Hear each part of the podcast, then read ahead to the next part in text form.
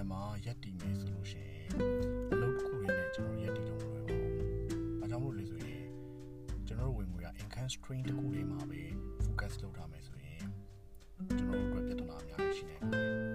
။ဒီမှာအပြင်ခုမျိုးခုတို့ကိုဗစ်တို့လိုမျိုးမှာအလုပ်ပြုတ်သွားတာမျိုး။ဒါမှမဟုတ်အကြောင်းအရာတစ်စုံတည်းပေါ်လာမျိုးဖြစ်နိုင်ပါတယ်။ဒါကြောင့်မို့ကျွန်တော်တို့ကဝင်ငွေအခွင့်အလမ်းကိုတစ်ခုတည်းပို့ပြီးတော့မှဖန်တီးရဖို့လိုပါတယ်။ဒီလို multiple income stream MIS ကိုတိစောက်တဲ့နေရာမှာလိုအပ်တဲ့ချက်တွေရှိပါတယ်။အဲ့တော့ဒီနေ့ဒီကြောင်းကိုကျွန်တော်ပြပြပါမယ်။အားလုံးမင်္ဂလာပါ။ကျွန်တော်ပြောပါမှာ။ company နဲ့ worker professional တွေရဲ့ productivity နဲ့ profit ကိုတိုးတောင်းပေးနေတဲ့ marketing trainer consultant တယောက်ဖြစ်ပါတယ်။ကျွန်တော်ဝင်ငွေအခွင့်အလမ်းတစ်ခုတည်းပို့အောင်လုပ်ဖို့အတွက်ဆိုလို့ရှိရင်ကျွန်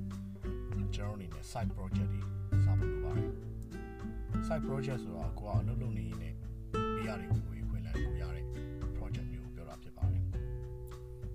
လိုလုပ်ဆောင်တဲ့နေရာမှာ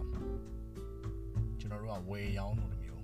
online shop တွေလုပ်လို့ရပါတယ်။ဒါ retail တို့ wholesale တို့လိုမျိုးဝယ်ရောင်းကျွန်တော်လုပ်လို့ရပါတယ်။ buy and sell ပါ။နောက်တစ်မျိုးကတော့ကျွန်တော်ဖန်တီးပြီးရောင်းလို့ရပါတယ်။ကျွန်တော် product တော့ service ကိုဖန်တီးပြီးကျွန်တော်ရောင်းလို့ရပါတယ်။အဲ့တော့ဒီလို product တွေ service တွေဖန်တီးပြီးရောင်းလို့ရတယ်။နောက်တစ်ခုကတော့ scale ကိုကျွန်တော် မာက company မှာ graphic design လုပ်ပေးနေတဲ့လူဆိုပါတော့ဒါဆိုရင်ကျွန်တော်တို့ရဲ့ဒီ design service ကိုဒီ scale ကိုကျွန်တော်တို့ကပြန်ရောင်းလို့ရပါတယ် freelance အနေနဲ့အလုပ်တန်းပညာရှင်အနေနဲ့ပြန်ရောင်းလို့ရပါတယ်အဲ့တော့ဘယ်နည်းနဲ့ပဲဖြစ်ဖြစ်ကျွန်တော်တို့က income stream တစ်ခုတည်းပို့ဖို့လုပ်ရပါတယ်တော့ဒီနေ့ခေတ်မှာတော့အများစုလုပ်ကြတာတော့ဒီ online shop ပေါ့ online shop တွေဒီဝယ်ရောင်းနေလုပ်ကြတယ်အဲ့တော့ဒီဝယ်ရောင်းနေလုပ်ရင်ကြတော့ ပြဿနာကပါရှိတယ်ဆိုရင်ကျွန်တော်တို့တွေဒီ commodity market မှာတွားပြီးပြန်ရတယ် commodity ဆိုတော့ဝယ်ပြီးရောင်းတဲ့အတွက်ကြောင့်မလို့ဒီကုန်ပစ္စည်းရဲ့ဈေးနှုန်းကဘယ်လောက်လဲဆိုတာကျွန်တော်တို့ကလူတော်တော်များများရှာဖွေလိုက်ရင်သိတယ်အလီဘာဘာမှာပဲတရှာရှာ淘宝မှာပဲတရှာရှာကျွန်တော်ရှာလို့ရတယ်ဒီတော့အဲ့ဒီ market မှာပြိုင်မယ်ဆိုတာဈေးအသက်တာဆုံးဖြစ်အောင်ကျွန်တော်တို့လုပ်ဖို့လိုတယ်ဒါပေမဲ့ဒီ podcast ကိုနားထောင်နေမိတ်ဆွေကမဟုတ်ဘူးကိုကကျွမ်းကျင်မှုတစ်ခုရှိရဆိုရင်တော့ skill ကိုရောင်းလို့ရတယ်အဲ့တော့ကိုယ့်ရဲ့ client ပေါ်မှာမူတည်ပြီး dream client ပေါ်မှာမူတည်ပြီးတော့တတ်မှတ်တဲ့နှုံထားတွေကွာဝါလိမ့်မယ်အဲ့တော့ဒီနေရာမှာဆို marketing ကအရင်အရေးကြီးတဲ့အပိုင်းတစ်ခုဖြစ်လာပြီကိုယ့်ရဲ့ skill ကို market လုပ်ဖို့အတွက်အဲ့ဒါနဲ့ပတ်သက်လို့လည်းကျွန်တော် Gorilla Marketing Plan လို့ခေါ်တဲ့ GNP framework ကိုကျွန်တော်တည်ဆောက်ထားပါတယ်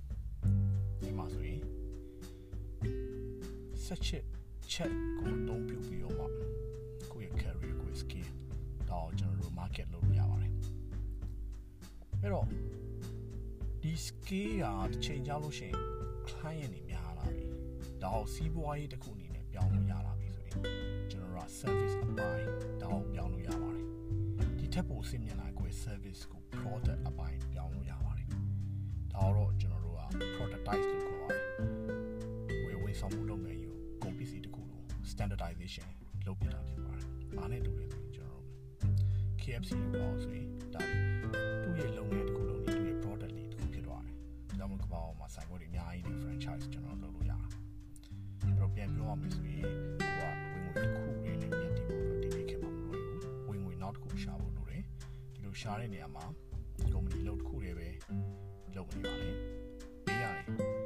skill development ကျွန်တော်လုပ်ပါဒီ skill market လုပ်ပြီးတော့ဝင်ငွေခွင့်လန်းကိုဖြန့်ကျက်ထားပါလို့ပြောချင်ပါတယ်အဆုံးထိပါတော့ပြီးရ